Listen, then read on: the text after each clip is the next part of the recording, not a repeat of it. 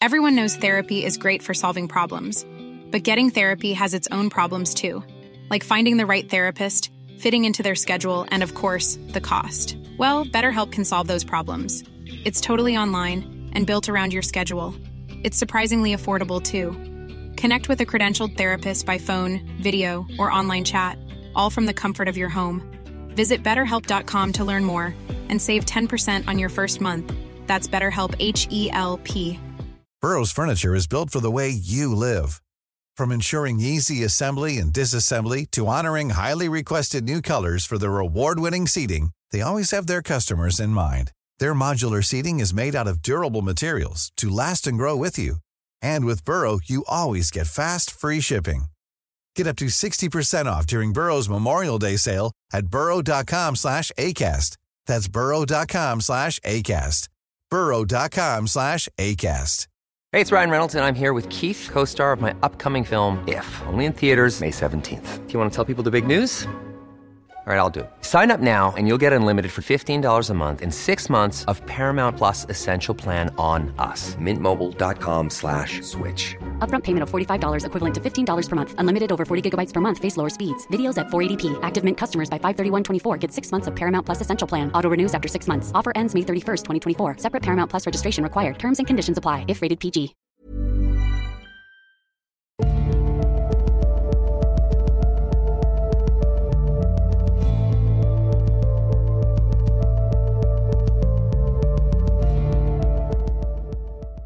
Hei og velkommen til eh, Tåkeprat.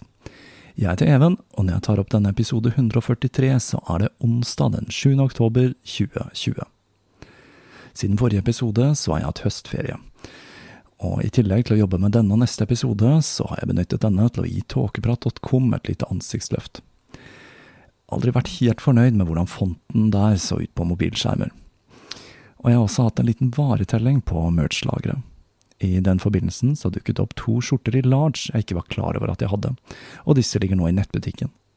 For de av dere som har etterspurt flere skjorter i large, så er det nå altså bare å kaste seg rundt. Jeg vil også minne om at mediumstørrelsen er ganske stor, og sikkert passer flere av dere som vanligvis bruker large. Og snakker om nettbutikken.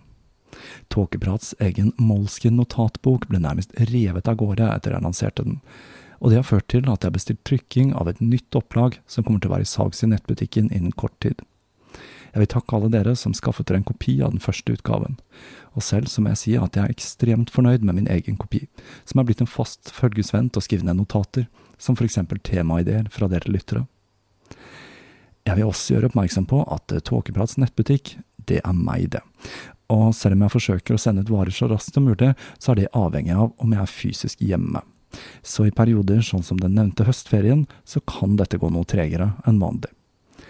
Men nok prat om nettbutikk og ferie. Nå skal vi bi oss i kast med den siste delen i serien om Leni Riffensdal. Det føles nesten litt vemodig å begynne på det siste kapitlet i sagaen om Leni. Denne gangen skal vi se litt nærmere på den siste delen av karrieren hennes som artist, hvordan hun skulle begi seg i kast med enda en ny kunstform, og hvordan hun opplevde å se hva hun anså for å være paradis på jord, sakte, men sikkert ble ødelagt av sivilisasjonens fremrykning.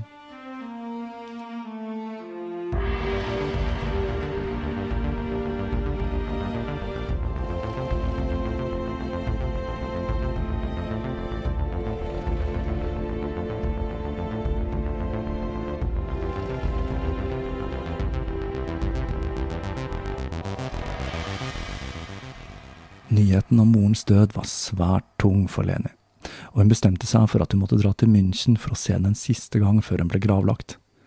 Men når hun kom frem, så var moren allerede blitt gravlagt to dager tidligere, og hun følte at hun aldri fikk tatt et skikkelig farvel. For å flykte fra sorgen så dro hun tilbake til Sudan for å fullføre filmen. Og når hun kom tilbake til leiren der de to følgesvennene hennes ventet på henne, ble de helt himmelfalne over hvor raskt hun var kommet tilbake. De hadde nemlig ikke tatt seg bryet med å hente post eller gjøre noe særlig annet i Lenis fravær. Det de derimot hadde gjort, var å ta noen bilder med blits. Det var sikkert godt ment, det, men blitsen ble sett av en arabisk kjøpmann som mente at dette var crewet som kommuniserte med fiender av Sudan. Han rapporterte dette videre til sudanske myndigheter, og dette skulle føre til at Leni senere skulle få problemer med å komme inn i landet fordi hun ble registrert som spion. Men til tross for de late gutta i crewet, skulle Leni lyktes med å filme noen svært sjeldne scener. Blant annet et overgangsritual fra ung til voksen, noe hun beskriver som noe av det mest fantastiske hun hadde opplevd blant nubafolket. Et tatoveringsritual, og i tillegg noen scener fra en brytefestival som var så gode at det ble bedre enn hun noen gang hadde kunnet drømme om. Denne gangen hadde hun også med seg medisiner. Hun var blitt oppmerksom på at nubaene ofte led av sykdommer som enkelt kunne behandles med antibiotika, noe de normalt sett ikke hadde tilgang til. Når hun kom tilbake til München, så var hun mer utmagret enn hun hadde vært sist gang hun hadde kommet hjem fra Afrika. Og det hadde nok en sammenheng med at hun ikke helt hadde kommet over at hun ikke hadde vært ved sin mors side på dødsleiet. Leni var ekstremt spent på resultatet av filmingen. Denne gangen hadde de brukt to typer Kodak-film. Ektachrome til bruk i dagslys, og Ektachrome ER til kveld og natt. Denne lyssensitive filmen var ny teknologi, og det var de færreste fotolaboratorier som kunne fremkalle den. Hun sendte en testrull til Geir Fotolab i Hamburg, og de brukte svært lang tid på å fremkalle filmen. Men da hun fikk den igjen, så var den perfekt. Det var en scene av en brytekamp i skumringen, og imponert over resultatet, så signerte hun en kontrakt med Geir for fremkalling av resten av filmene. Igjen så skulle hun bli utsatt for tyveri. De to late følgesvennene hennes i Sudan hadde stukket av med mesteparten av filmutstyret, i tillegg til en del ruller med film hun hadde tatt. Når bilene med utstyret kom tilbake til München, var bilene og det utstyret som var igjen, i en forferdelig stand. Så fikk hun en gladnyhet. Kontrakten hun hadde med Odyssey Productions ble forlenget, slik at hun hadde lengre tid til å ferdigstille filmen. Men det var én forutsetning. Hun måtte ha en råklippet utgave før midten av august. Leni ventet i åndeløs spenning på resten av filmrullene. Og når det endelig kom noe fra Hamburg, så var dette bare ca. en tiendedel av det materialet de skulle fremkalle. Og ikke nok med det. Når hun så gjennom materialet, så var det ikke i samme kvalitet som testrullen. Filmene inneholdt fargefeil. Hun tok kontakt med Geir, og de forsikret henne om at resten av materialet ville være i den samme feilfrie tilstanden som den første rullen. Men den gang ei. De neste filmene var av enda dårligere kvalitet, og hadde røde, lilla og turkise sjatteringer.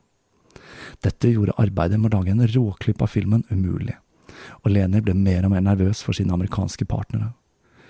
Det var ikke bare Nuba-filmen som sto på spill. Om hun klarte å bli ferdig i august, så ventet en kontrakt på tre nye dokumentarfilmer i USA. Til slutt ga Leni opp og ventet på resten av filmrullene, og hun dro selv direkte til Geir for å finne ut hva som hadde skjedd. Når hun kom dit, så fikk hun seg enda et sjokk. ER-filmen var enda verre enn det hun hadde fått tilsendt.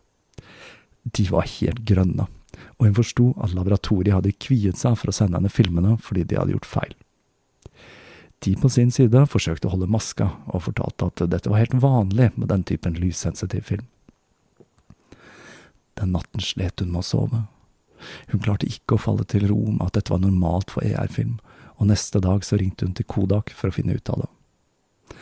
Mannen til Kodak fortalte henne at ER-filmen skulle gjengi fargene nøyaktig slik de var i virkeligheten, og ikke i grønt. Kort fortalt, filmene var ødelagt, og alt arbeidet hun hadde lagt ned i Sudan, var forgjeves. Til slutt ba han henne sende over rullene slik at de kunne undersøke dem. Geir på sin side sa at de skulle rette på feilen, men alt de klarte å gjøre, var å gjøre om grønnsjatteringene til lilla. Nå hadde Leni mistet sjansen til å gjenoppta yrket som regissør. Siden de hadde finansiert filmen, så insisterte amerikanerne på at hun skulle gi dem materialet hun hadde filmet. Men Leni nektet å gi fra seg det hun hadde, selv om det var ødelagt. Dette førte til en konflikt som ikke løste seg før hun til slutt fikk låne penger for å tilbakebetale det Odyssey hadde investert i filmen. Og det var ikke bare på den tekniske siden problemene tårnet seg opp. Louis Trenker skulle igjen begynne å spre rykter om Leni. Han hadde fortalt flere ansatte i et bayersk TV-selskap at det var Lenis egen feil at hun ikke hadde vært i stand til å lage flere filmer etter krigen, og at hun hadde sendt en mann, doktor Moser, som hadde vært en personlig venn av Trenker, til en konsentrasjonsleir under innspillingen av Tifland, hvor han senere døde. Dette førte til enda en svertekampanje i tyske medier og det skulle gå flere år før Leni til slutt fant ut hva som hadde skjedd med denne Moser. Hun visste selvsagt at hun ikke hadde sendt ham til en konsentrasjonsleir, og da han kom i snakk med en kvinne som hadde vært til stede under innspillingen av Tiflan, fikk hun vite at Moser hadde bosatt seg i Tyrol under krigen sammen med en velstående engelsk dame, og at han hadde dødd kun for et par år siden på grunn av soppforgiftning. Igjen så følte Leni seg utstøtt fra Tyskland. Alt hun ønsket var å dra tilbake til sine venner i Nuba-stammen, men på grunn av skrantende helse og høy alder så frarådet vennene hennes henne fra å dra men det forhindret ikke at hun holdt kontakten med Nuba-folket via en sudansk lærer som kunne litt engelsk. Leni tenkte for seg selv at selv om hun skulle bli syk, så ville hun heller dø blant Nuba-folket enn i sitt eget hjemland, og hun fikk tegnet en modell av et hus hun planla å bygge til seg selv i Sudan. Mens hun fortsatt var uglesett i hjemlandet, begynte hun å få mer og mer anerkjennelse i utlandet, og da spesielt i USA. Selv Viljens triumf ble omtalt som et mesterverk. En artig ting var når New York Times skrev en artikkel om hvordan Viljens triumf var for god til å bli manipulert. Den spanske filmskaperen Luis Banuel hadde nemlig forsøkt å klippe om filmen for å bruke den som antinazipropaganda. Men da det ferdige resultatet ble vist for René Clair og Charlie Chaplin i New York, så klarte ikke Chaplin å slutte å le. Uansett hvordan filmen ble manipulert, så var bildene rett og slett for gode, og resultatet fikk motsatt av ønsket effekt. Filmen ble til slutt vist for president Roosevelt, som sa seg enig og la prosjektet på is. Hun skulle også gjøre det godt i England, hvor hun etter en visning av Nuba-bildene til Sunday Times fikk solgt en serie med bilder til avisen, og også BBC utviste en interesse for arbeidet hennes. Det var for øvrig i England hun skulle møte en viss herremann jeg nevnte i forrige episode, Elron Hubbard. Leni visste ikke hvem denne mannen var, men hun hadde fått låne leiligheten hans i London, hvor de to skulle utarbeide et manus sammen. Før han uten forvarsel plutselig måtte dra til Sør-Afrika, hvor han sa at han drev et firma. Hubbard gjør altså ikke store greiene ut av seg i denne historien, men jeg følte at det at han dukker opp er i seg selv såpass artig at det er verdt å nevne. I september 1966 klarte ikke lenger Leni å holde seg unna Sudan. Hun kjøpte en billigreise til landet noe som gjorde at hun kun kunne oppholde seg der i 28 dager. Det skulle vise seg utfordrende å ta seg til Nuba-folket, og når hun kom dit, så hadde hun kun et par dager å tilbringe der. Det var julaften, og Leni hadde planlagt å arrangere en liten julefeiring for Nuba-folket, og hun hadde med seg gaver, stearinlys og en kunstig grønn grein for å markere det hele. Leni skriver at disse turene til Afrika verken gjorde henne yngre, sunnere eller vakrere, og at de krevde alt av henne, men at hun like fullt ikke ønsket å gjøre noe annet enn å dra tilbake dit, kanskje for å bosette seg der for resten av livet.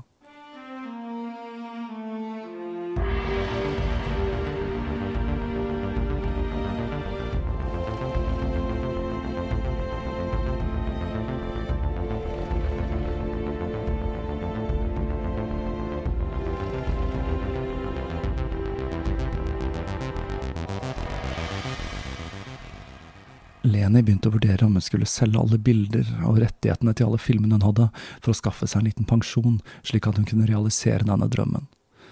Men så skulle skje noe som ga henne et nytt håp. Geir hadde gjennomarbeidet filmen igjen. Hun på sin side orket ikke å se på disse nye fremkallingene etter den forrige skuffelsen, men da flere personer i London var svært interessert i disse filmene, så så hun seg til slutt nødt til å se på dem. Hun krysset fingrene og håpet det beste. Først så ble hun positivt overrasket. Grønnskjæret var erstattet av et brunskjær som gjorde fargene mer naturlige. Men filmen i sin helhet hadde blitt klippet om Magaye, og det var nå et ubrukelig kaos, og hun så seg nødt til å kansellere turen til London. Skuffet bestemte Leni seg for å dra tilbake til Afrika i oktober og bli med Nubane så lenge som mulig.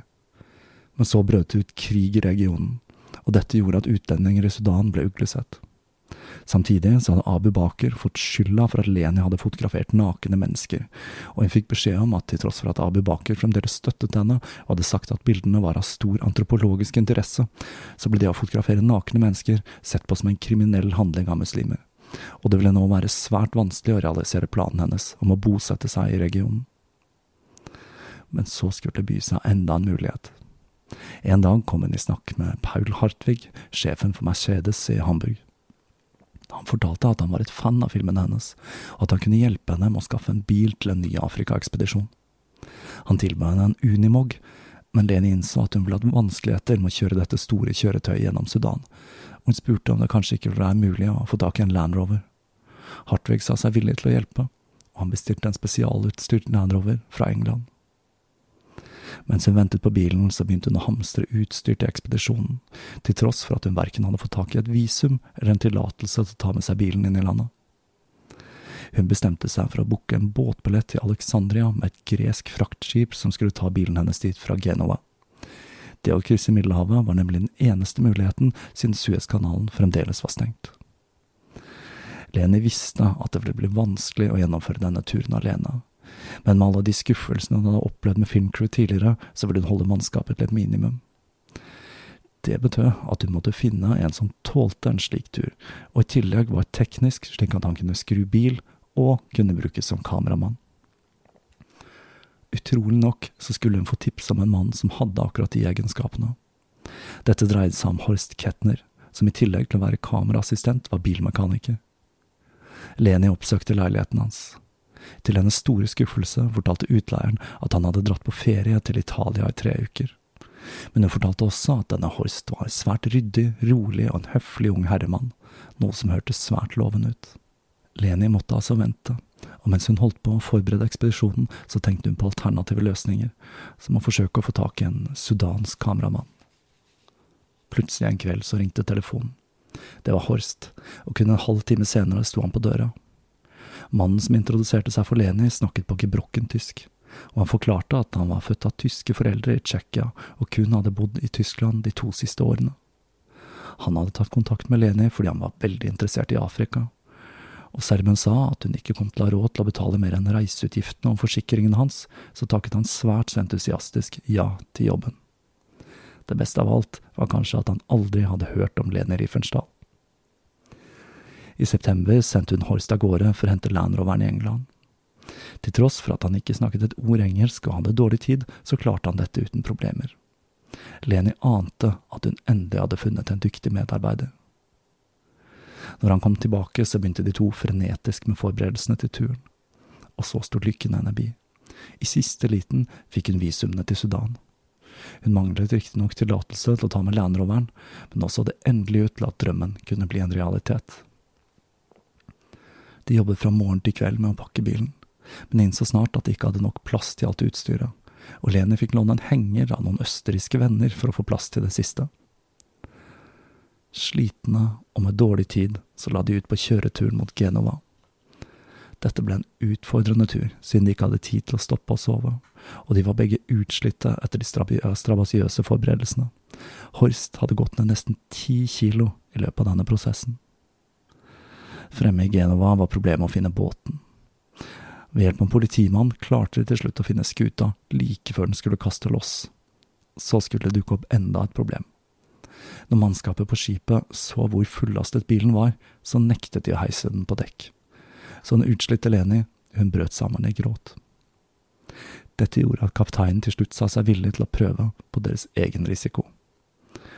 De to sto og så på mens deres drøm om et Afrika-eventyr hang i et lastenett som var tynnet til bristepunktet. Men heldigvis kunne de puste lettet ut når alle fire dekkene til slutt ble satt kontrollert ned på dekk. Med bilen lastet og alt arbeidet bak seg, gikk de til kabinene sine og kollapset. Fra Kairo satte de kursen mot Wadi Halfa av den sudanske grensen. Leni var nervøs. Hun var usikker på hvordan hun ville bli mottatt i landet. Når de gikk i land, ble de møtt av en uniformert mann fra sudanske myndigheter. Han spurte, Er du Leni Riefenstahl? Hun nikket bekreftende. Du er velkommen i landet vårt, utbredte han med et smil. Hun fikk vite at de hadde fått reservert en egen jernbanevogn, og at de kunne reise til Khartoum allerede samme kveld. Leni og Horst var overlykkelige. Det skulle etter hvert vise seg at denne mottagelsen skyldtes at doktor Mubarek Shadad, et medlem av den sudanske regjeringen, hadde sett en kort dokumentar hun hadde laget med BBC like før avreise, hvor hun snakket om alt arbeidet med Nuba-folket, forkjærligheten for Afrika og planene om en ny ekspedisjon. Han hadde hjulpet henne og Horst med å skaffe visum, og han fortalte henne at det hadde vært vanskelig siden hun har vært svartelistet av denne arabiske kjøpmannen som trodde hun var en spion. Hadde det ikke vært for Shadad, hadde hun ikke hatt muligheten til å komme inn i landet igjen. Og ikke bare det, han sa seg også villig til å stille med ekstra kjøretøy og hjelp om hun skulle trenge det. Dette var den fjerde gangen hun skulle besøke Nuba-folket, og hun var fast bestemt på å rekke dette før jul. Og det gjorde hun. Igjen kjørte hun inn under det store treet der hun hadde slått leir tidligere, og igjen ble hun omringet av smilende ansikter. Nubaene hadde bygget et hus til henne, men det var ikke stort nok til å romme all bagasjen de hadde med, så de ble nødt til å bygge to stråhytter til alt det ekstra utstyret, og det var nesten midnatt før hun kunne finne fram det kunstige juletreet de hadde med, og begynne å dele ut gaver. Høydepunktet var en campingdusj som Horst hadde tatt med. Denne gangen hadde de også med seg ekstra mye medisinsk utstyr, og de satte opp en liten medisinsk klinikk. Men så, så skulle Leni oppdage at noe hadde endret seg med folk hun hadde blitt så glad i. Når de dro til en brytefestival, noe de hadde gledet seg til å filme, så fant de ut at Numan hadde begynt å gå med bukser, og den tradisjonelle spennen de hadde festet på ryggen med et belte, var nå byttet ut med plastflasker eller blikkbokser. Magien var borte, og Leni bestemte seg for at dette ikke var verdt å filme. Hun hadde vært så opptatt med å pakke ut at hun ikke hadde lagt merke til alle forandringene som hadde skjedd i løpet av de to årene hun hadde vært borte. Nubaene hadde begynt å sette inn dører i hyttene sine for å kunne låse, og når hun spurte om hvorfor, var svaret hun fikk Nuba stjeler. Hun skulle også få anledning til å være med på enda et begravelsesritual, og det som en gang hadde sett ut som eteriske sudanske spøkelser, var blitt erstattet av nubar i fillete, vestlige klær. Noe hadde skjedd, men hva? Det hadde ikke vært noe turisme å snakke om til området, og Leni konkluderte med at dette var sivilisasjonen som hadde bredt om seg og begynt å absorbere nuba-kulturen og med sivilisasjonen fulgte penger, grådighet og misunnelse. Nubaene hadde blitt påbudt av sudanske myndigheter å kle på seg, og når klærne ble slitt ut og de trengte, eh, trengte de penger til å kjøpe nye, noe som gjorde at de trakk inn til byene for å jobbe. Leni skriver at når de kom tilbake, så var den barneaktige latteren borte fra øynene deres. For filmen til Leni var dette selvsagt katastrofe. Hun så ingen mulighet til å ta igjen det tapte materialet. Til tross for dette så hadde de et trivelig møte med Nuba-folket, og det var igjen tungt å ta farvel. I Khartoum hadde doktor Mubarak Shadad arrangert en tur for dem til Sør-Sudan, og på denne turen fikk de se den rituelle dansen til Atuka-folket, en opplevelse som gjorde et sterkt inntrykk. Og like etter dette hørte de skrekkelige nyheter på radioen. Det hadde vært et nytt statskupp i Sudan. Det betød at alle som støttet dem på denne ekspedisjonen, mest sannsynlig var fengslet. De satte av gårde til Khartoum, alt remmer og tøy kunne holde, og på veien dit fikk Leni sitt første anfall av malaria. Byen var full av stridsvogner og soldater, og alle offentlige bygninger var okkupert. Men til tross for den usikre og anspente situasjonen, så klarte de å bore flyet med all bagasjen intakt.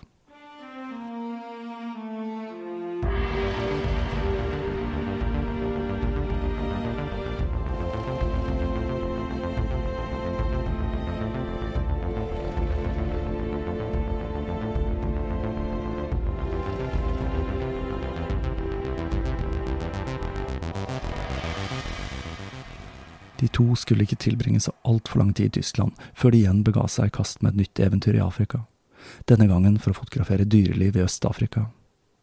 På denne turen fikk Leni igjen et sterkt ønske om å bosette seg på kontinentet, og så var det én ting til som skulle være svært viktig for Leni i denne perioden. Mot slutten av turen så forsøkte hun seg på snorkling i Malindi i Kenya, og det ga mersmak. Så mye at hun bestemte seg for å bli mer kjent med undervannsverdenen så snart muligheten bød seg. Skal man gjøre noe, så må man gjøre det sjæl, er jo kanskje hva vi kan kalle Lene Riefensdahls livsmotto. I 1973 begynte hun å jobbe med publiseringen av den første Nuba-fotoboken. Hun forsøkte å få denne publisert internasjonalt, og hun fikk til en distribusjonsavtale med Harper Row i USA, DNOL i Frankrike og List i Tyskland. Men også her skulle det være skjær i sjø. There's never been a faster or easier way to start your weight loss journey than with PlushCare. PlushCare accepts most insurance plans and gives you online access to board-certified physicians who can prescribe FDA-approved weight loss medications like Wigovi and Zepbound for those who qualify. Take charge of your health and speak with a board-certified physician about a weight loss plan that's right for you. Get started today at plushcare.com slash weight loss. That's plushcare.com slash weight loss. plushcare.com slash weight loss. Hey, it's Ryan Reynolds, and I'm here with Keith, co-star of my upcoming film, If, only in theaters May 17th. Do you want to tell people the big news?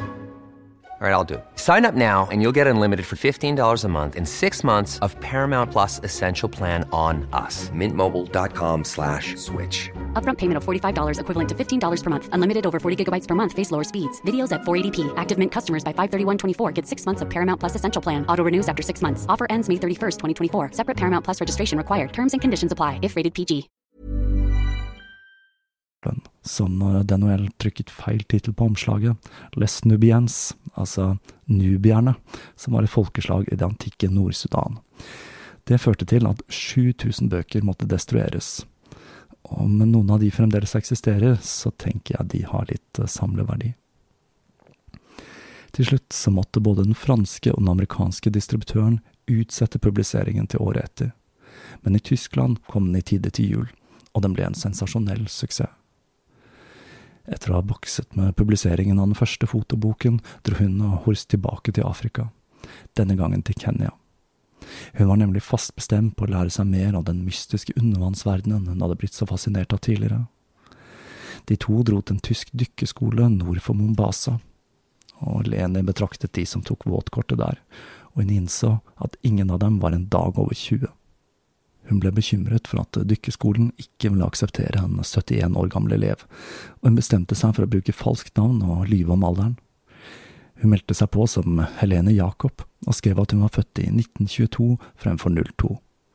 Til tross for dette så så dykkerinstruktøren svært så skeptisk på denne godt voksne dama. Og hvordan tror dere dette gikk? Jo da, selvsagt så besto hun med glans, og når sertifikatene skulle deles ut, så avslørte hun sin egentlige alder til de andre deltakernes store forbløffelse. Etter dette dro de til Nairobi, hvor Leni ville se etter et hus hun kunne bosette seg i. Men hun ble advart mot dette av en europeisk storviltjeger, som fortalte henne at det Afrika hun var på jakt etter, ikke fantes lenger. Hun ga derfor midlertidig opp denne planen om å kjøpe seg bolig, og hun og Horst bestemte seg for å dra og besøke Nuban igjen. Det hadde gått årevis siden de var der sist, og hun gledet seg til å vise dem den nye fotoboken. De fikk leid seg en bil og kjørte til Sudan og Nuba-fjellene.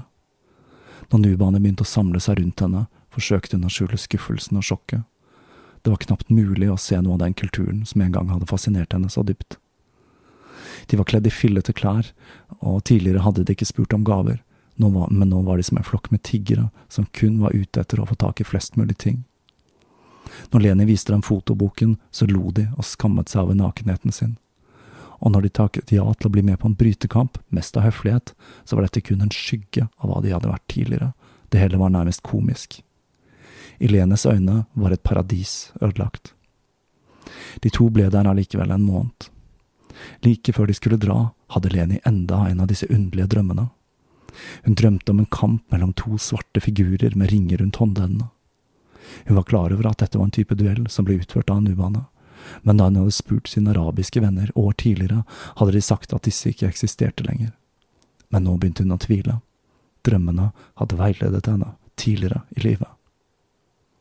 Horst trodde hun var blitt gal, men hun klarte ikke å riste av seg ideen, og bestemte seg for å dra for å finne en enda mer isolert nubastamme i et område kjent som Kau. Problemet var at det ikke fantes noe kart over dette området, og det var ingen muligheter til å fylle drivstoff underveis. For å sikre seg tok de med seg to av Nubanas beste løpere før de la ut på den farefulle ferden, hvor sjansen for suksess var svært lav og risikoen svært høy. De reiste lengre og lengre inn i et landskap som forandret seg, og i det fjerne kunne Leni se en fjellkjede, og hun visste at nettopp en fjellkjede var noe av det som skulle kjennetegne Kao. Oppklødde kjørte de nærmere fjellet, men så fikk de øye på en steinbygning. En skole, utbrøt Horst da han fikk øye på et par hundre barn kledd i hvite jellavas, den klassiske klesdrakten brukt i Nord-Afrika. Jeg sa det ikke var vits i å legge ut på denne turen, sa han. En høyreist mann kledd i hvite arabiske klær kom bort til dem mens de hvilte i skyggen, og de fikk vite at de hadde funnet Kao. Etter at mannen gikk, forsvant også barna. Dette var underlig, syntes Leni, for hvor enn hun hadde ferdes i Afrika, hadde hun alltid blitt omringet av folk. Mens de satt der alene og lurte på hva de skulle finne på, fikk Leni øye på noen små hytter i fjellsiden, og Horst sa seg villig til å bli med og utforske. Når de nådde hyttene, virket det som om de var forlatte, men så fikk de øye på to barn. Hvor det er barn, er det voksne, tenkte Leni optimistisk. De begynte å klatre videre oppover, og da fikk de øye på to unge jenter, nakne oljet fra topp til tå i en glinsende rød farge. Leni glemte alt annet. Hun hadde igjen funnet en uberørt nubastamme. Straks jentene fikk øye på henne, så forsvant de, og når de fortsatte å gå gjennom landsbyen, så var den helt folketom. De to gikk tilbake til leiren, hvor mannen i de hvite kavantene hadde dukket opp igjen. Etter en stund hørte de trommer i det fjerne. De spurte hva det var for noe, han svarte. Nyrtun, jentenes dans. Lene grep kameraet sitt og dro med seg Horst. Synet som møtte dem, er hva Leni beskriver som den største visuelle opplevelsen hun hadde i løpet av alle sine eventyr i Afrika. I solnedgangen danset en gruppe jenter, alle nakne, oljet og i forskjellige farger, rød, okra og gul. I hendene holdt de pisker, og til lyden av trommer danset de en forførisk dans som ble villere og villere, og som virvlet opp støvskyer som blandet seg med lyset fra den synkende sola. Når de kom tilbake til leiren, fikk de vite at det skulle avholdes en sura neste dag. Akkurat den typen tvekamp Leni hadde drømt om. Igjen hadde hun sanndrømt. Neste drag dro de til plassen der de så en gruppe unge menn med messingringer rundt håndleddene. Hver enkelt mann hadde sine egne farger, mønstre og utsmykninger. Disse kampene ble utført med en stokk som våpen og varte bare noen få sekunder. Denne messingringen ble brukt til å parere slag. Kampene varte til en av deltakerne sine skuldre traff bakken, eller til dommeren avblåste kampen. Etter denne kampen skulle Lene bevitne et annet unikt ritual. Jentene hun hadde sett dagen før, samlet seg og begynte å danse. Like etter dukket mennene fra tvekampen opp, mer pyntet enn tidligere. Dette var Kaunubanes kjærlighetsritual. Jentene danset og valgte seg partner ved at en og en mann danset opp mot gruppen av jenter, og jentene kunne velge seg partner ved å legge benet på skulderen til den mannen hun ville ha. Det var først senere at Leni lærte at blant Nuban i Kau så var det kvinnene som valgte seg livspartner på denne måten. Om to kvinner valgte samme mann, så var det mannen som fikk velge, noe som kunne utløse voldsom sjalusi. Før de skulle dra, så dro de til en annen landsby. Niaro, hvor Leni fikk se hvordan mennene der praktiserte en høyt utviklet form for ansiktsmaling. Leni skriver at dette var en høyt utviklet kunstform som kunne måle seg med vestlige malere som Picasso. Leni og Horst var utslitte når de nådde Khartoum etter en 53 timer lang kontinuerlig kjøretur. Men når de fikk en invitasjon til den sudanske presidenten Gafar Mohammed Nimeri, kunne de ikke takke nei. Der skulle Leni få seg en skikkelig overraskelse. Som første utlending hadde hun blitt gitt et sudansk statsborgerskap som en anerkjennelse for hennes arbeid i Sudan. Dypt beveget tok hun imot sitt nye pass. Tilbake i Tyskland skulle det vise seg at bildene de hadde tatt, var blitt svært bra, og forleggeren oppfordret henne til å lage enda en bok om Nuba-folket, men Leni følte at hun ikke hadde nok materiale til det. Hun var først usikker på om hun ville risikere enda et slikt prosjekt, men etter hvert så var det et par ting som gjorde at hun bestemte seg for å forsøke. For det første så hadde hun jo nå et sudansk pass, noe som ville gjøre det hele enklere. Og for det andre så bestilte Harper 17 000 kopier av Nuba-boka, noe som gjorde at hun kunne finansiere det hele, og noe som nærmest garanterte at hun kunne selge den neste boka til dem.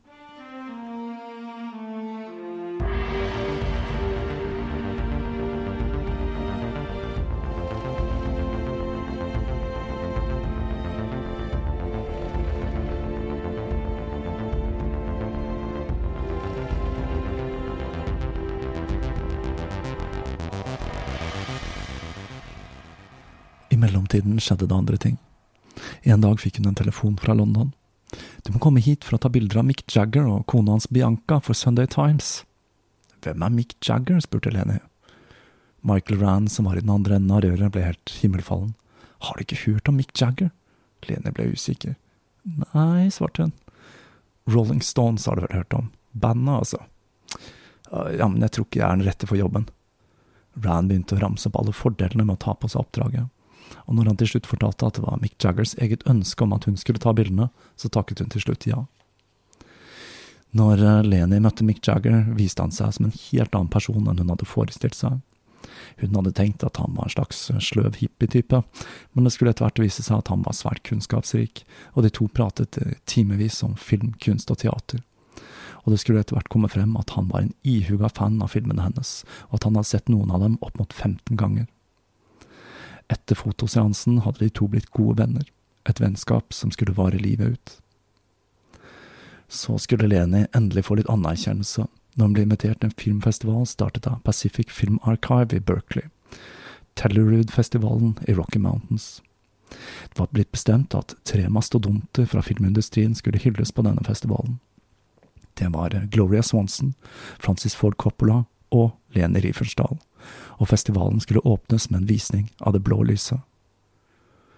Leni var først eh, skeptisk. Hun forventet at hun kom til å bli motarbeidet, men bestemte seg likevel for å dra. Det var nok med det rette at hun var litt skeptisk, for de andre artistene hadde blitt oppfordret fra ulike hold til å boikotte arrangementet, men ingen hadde latt seg skremme. På grunn av dette hadde festivalen bevæpnet politi, men heldigvis var det eneste som skjedde, at åtte unge mennesker demonstrerte med en plakat der det sto at Viljens triumf var ansvarlig for at millioner av mennesker hadde mistet livet i konsentrasjonsleirer. Gloria Swanson ble spurt om hva hun syntes om alt kontroverset rundt Leni, og hun svarte. Hvorfor spør du? Vifter hun med et naziflagg? Jeg trodde Hitler var død. I tillegg til det blå lyset ble Olympia vist, og Leni fikk festivalens sølvmedalje. Etter festivalen ble invitert med til å se på klippingen av Gudfaren 2 sammen med Coppola, noe hun beskriver som en svært inspirerende opplevelse, siden de begge delte en glødende interesse for film som kunstmedie. I 1974 la Leni Hoist ut på en ny ekspedisjon til Sudan. Denne gangen skulle de til sin store skuffelse oppdage at sivilisasjonen nå også hadde nådd til Kaunubana, og at de også hadde begynt å gå i vestlige klær. Og enda verre skulle det bli. En dag kom to unimogger med hva som viste seg å være turister. Turistene hadde begynt å tilby penger for å ta bilder, noe som gjorde at det ikke lenger var mulig å ta autentiske foto da nubaene hadde vent seg til å posere foran kamera. De dro videre til Nyaro, hvor Leni tidligere hadde sett den fantastiske ansiktsmalingen. Denne stammen var ikke like berørt av sivilisasjonen, siden den lå såpass vanskelig til at verken misjonærer eller turister pleide å ta seg dit. Siden Leni hadde den statusen hun hadde blant nuba-folket, så fikk hun i samråd med stammens eldste lov til å fotografere uten vederlag. Men om hun skulle fotografere dansene deres, så måtte hun bidra med olje. Når hun var der, så lærte hun en del nye ting om kroppskulten til dette folket. Denne stammen hadde en del tradisjoner som var unike for dem. Det å gå naken var noe som var forbeholdt unge med vakre kropper. Menn sluttet med dette når de ikke lenger kunne delta i dueller, og kvinnene når de ble gravide. Det var egne lover som forbød eldre å gå nakne, og om de skulle gjøre det, så ville de bli ledd ut. Men de gikk ikke helt nakne, da. De hadde på seg et belte, uten dette så følte de seg nakne. Om jeg ikke husker helt feil, så sier Seinfeld at eh, dersom han skulle være nudist, så ville han i det minste ha på seg et belte, sånn at han kunne hatt lommer. Dette folket hadde langt mer utviklet språk når det gjelder kropp, enn hva vi har i Vesten, litt som inuittenes mange ord for snø. Hun fikk også se og filme et par av tatoveringsritualene deres. Disse ble utført ved at huden ble revet opp med en torn, for så å bli skåret i med kniv. Disse tatoveringene dreier seg nok mer om hva vi kaller scarification i dag, det ser iallfall slik ut på bildene. Den første de fikk se, var tatoveringen av en ung kvinne, og så den dramatiske tatoveringen av en gift kvinne. Selve seremonien foregikk høyt oppe i fjellene, og det var slik at en gift kvinne måtte avstå fra sex i tre år etter det første barnet hennes ble født. Etter det måtte hun holde ut dette tatoveringsritualet, hvor hele kroppen hennes ble tatovert i en prosess som tok hele to dager. Og etter dette ritualet ble hun igjen ansett som en attraktiv kvinne av stammens menn. Fra denne turen er det én hendelse jeg føler er viktig å ta med. Vi husker hvordan månen spilte en sentral rolle i Lenis liv, fra hennes barndom til det blå lyset. En kveld, etter Horst hadde sovnet, satt Leni og så på måneoppgangen over fjellene i Kao. Den var så stor og lys at hun aldri hadde sett maken. Hun syntes hun hørte trommer i det fjerne, og begynte å gå mot lyden, med kun en lommelykt og en kjepp, men det var så månelyst at hun ikke trengte lykten. Lyden ble sterkere jo nærmere hun kom, og etter ca 20 minutter fikk hun øye på en menneskemengde i utkanten av landsbyen. Det var en gruppe menn og kvinner som danset. I månelyset fikk det hele et overnaturlig skjær. Da hun nærmet seg, ble hun smilende mottatt av en gruppe jenter. En mann danset inn i sirkelen av gangen. Mennene bar ikke sminke, men var oljet inn, de så ut som levende skulpturer i natten, og kvinnene var sminket med rød, gul og okra. Det var som en visjon fra gammel mytologi. Lene skriver at hun ikke hadde med seg kamera, Men om hun hadde hatt det, så ville hun ikke brukt det. Hele opplevelsen hadde noe eventyrlig og hellig over seg som hun ikke ville forstyrre. Når Lene kom tilbake til München, kollapset hun av fysisk utmattelse, mens Horst kollega tok seg av arbeidet som gjensto med fremkalling av film og filmer. Lene gruet seg til å se resultatet. Hun var igjen redd for å bli skuffet. Men det hadde hun ikke trengt. Mer enn halvparten av de 2000 bildene hun hadde tatt, var fantastiske, og hun fikk en ekstremt god respons fra venner. Magasinet Stern kjøpte rettighetene til den første publikasjonen i Tyskland og Sunday Times i England, og resten av verden fulgte etter. De ble publisert i USA, Australia, Japan og Afrika. I 1975 vant hun gullmedaljen til De tyske kunstregissørers klubb for årets beste fotografier. Så fulgte boka Nubane fra Kao i 1976, og tilbudene bare strømmet på. Til tross for at det fremdeles ble publisert skandalehistorier om Leni, både i kulørt presse og i bokform, så lot hun seg ikke knekke. Hun hadde endelig fått tilbake respekten som kunstner blant et bredt publikum, og hun ga seg ikke med det. Sammen med Horst skulle hun i 1976 dra til Karibien og begynne på karrieren som undervannsfotograf. Dette førte til publiseringen av undervannsfotoboka Korallhagen i 1978, og, senere Undervannsunderet i 1990, og på hundreårsdagen hennes, i 2002, kom Inntrykk under vann, som skulle bli hennes aller siste film. I 1976 ble hun også invitert til OL i Montreux, denne gangen som æresgjest, siden hun har fått en olympisk medalje fra regissert Olympia. Men hun hadde ikke klart å riste av seg nazispøkelset, og det ble reist skarpe protester mot hennes tilstedeværelse, og det ble krevd at hun skulle kastes ut av Canada, noe som ikke skjedde, men som sikkert la en demper på hennes rolle som æresgjest. For til tross for at hun i manges øyne var renvasket, var det mange som fremdeles forsøkte å sko seg på legenden om Lene Riefenstahl. Samme året hun ble forsøkt kastet ut av Canada, ble hun invitert til et talkshow på BBC hun ble fortalt skulle handle om fotografiene hennes i Afrika. BBC hadde jo tidligere publisert en kort dokumentar om reisen hennes i Afrika som hadde hjulpet henne, og hun ble lovet at det ikke skulle bli stilt spørsmål om krigen. Slik gikk det ikke. Dette TV-intervjuet var mer som et avhør der hun ble stilt spørsmål som om hvorfor hun lagde filmer som oppfordret til forbrytelser mot menneskeheten. Leni var fanget og forsøkte å forsvare seg som best hun kunne. Dette slo for øvrig ikke godt ut for BBC, som ble nedringt av illsinte lyttere som klaget og skammet seg over måten de hang ut og behandlet en gammel dame som en kriminell på. I 77 skulle hun dra tilbake til Sudan, hvor hun fikk overrakt en gullmedalje av presidenten for arbeidet sitt med Nuba-folket. Men besøk hos Nubaene det året skulle bli svært skuffende. Det hun fikk se, var en kultur som var fullstendig ødelagt, og hun følte en aggresjon blant folket som tidligere hadde vært kjennetegnet av smil og latter.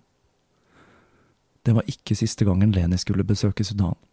Under den sudanske borgerkrigen i 2000 ville Leni finne ut av hvordan dette hadde påvirket Nuba-folket, og hun forsøkte å ta seg dit med helikopter. Dette krasjet, men utrolig nok så kom hun fra det med kun to brukne ribbein. I 2003 begynte Leni å bli dårlig etter å ha slitt med kreft, og like etter hennes 101. bursdag den 22. august tok sykdommen overhånd, og hun sovnet stille inn i sitt hjem klokken 22.00 den 8. september 2003. Leni Riefensdahl er i dag gravlagt i München.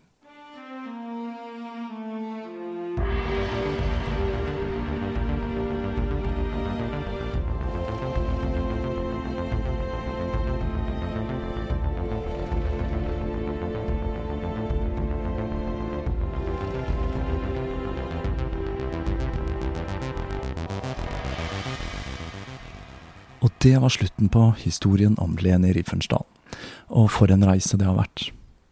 Jeg sa vel tidlig i denne serien at jeg selv har hørt alle ryktene om Leni, og en lytter gjorde meg oppmerksom på at jeg selv sier at Leni brukte sigøynere fra konsentrasjonsleirer i serien Døtter av Det tredje riket. Jeg mener at jeg i denne serien også nevner at jeg tror Leni Riefensdahl er en dame jeg burde kikke nærmere på, og der hadde jeg virkelig rett. Men at det skulle bli en så spektakulær fortelling, det gikk over all forventning. Myten om Leni er en seiglivet en, som fremdeles lever i beste velgående. Det at hun like etter krigen sa at hun var fascinert av Hitler som person, var nok med på å sementere denne for all ettertid, til tross for at hun ikke var politisk engasjert.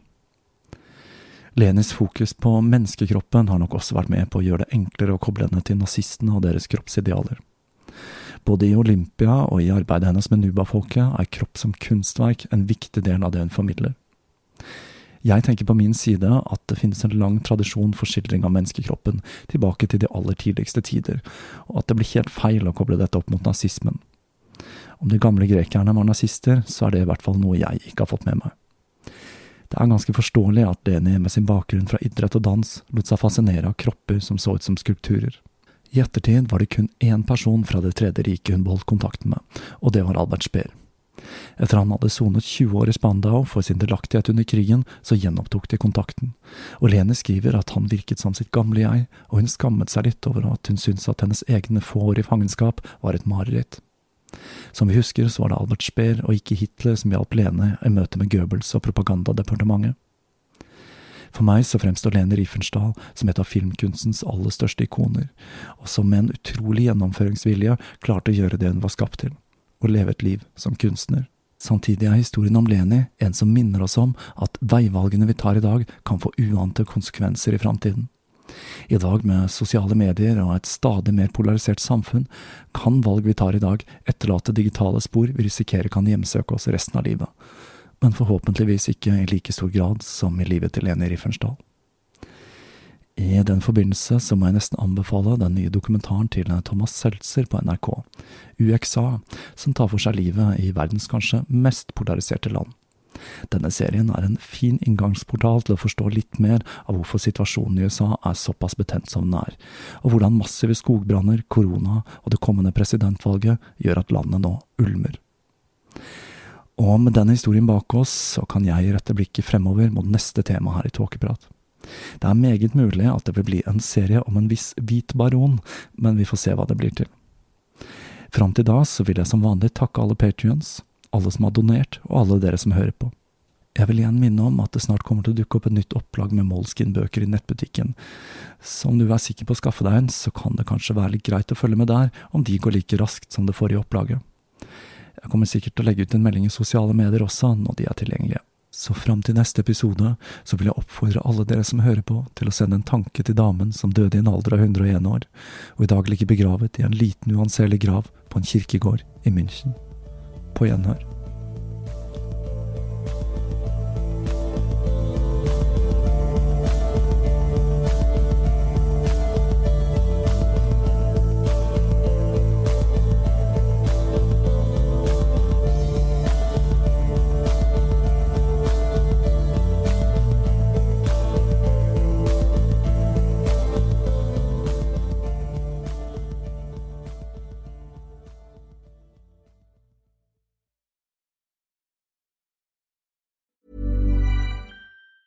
Planning for your next trip? Elevate your travel style with Quince. Quince has all the jet setting essentials you'll want for your next getaway, like European linen, premium luggage options, buttery soft Italian leather bags, and so much more. And is all priced at 50 to 80% less than similar brands. Plus, Quince only works with factories that use safe and ethical manufacturing practices. Pack your bags with high-quality essentials you'll be wearing for vacations to come with Quince. Go to quince.com slash pack for free shipping and 365-day returns.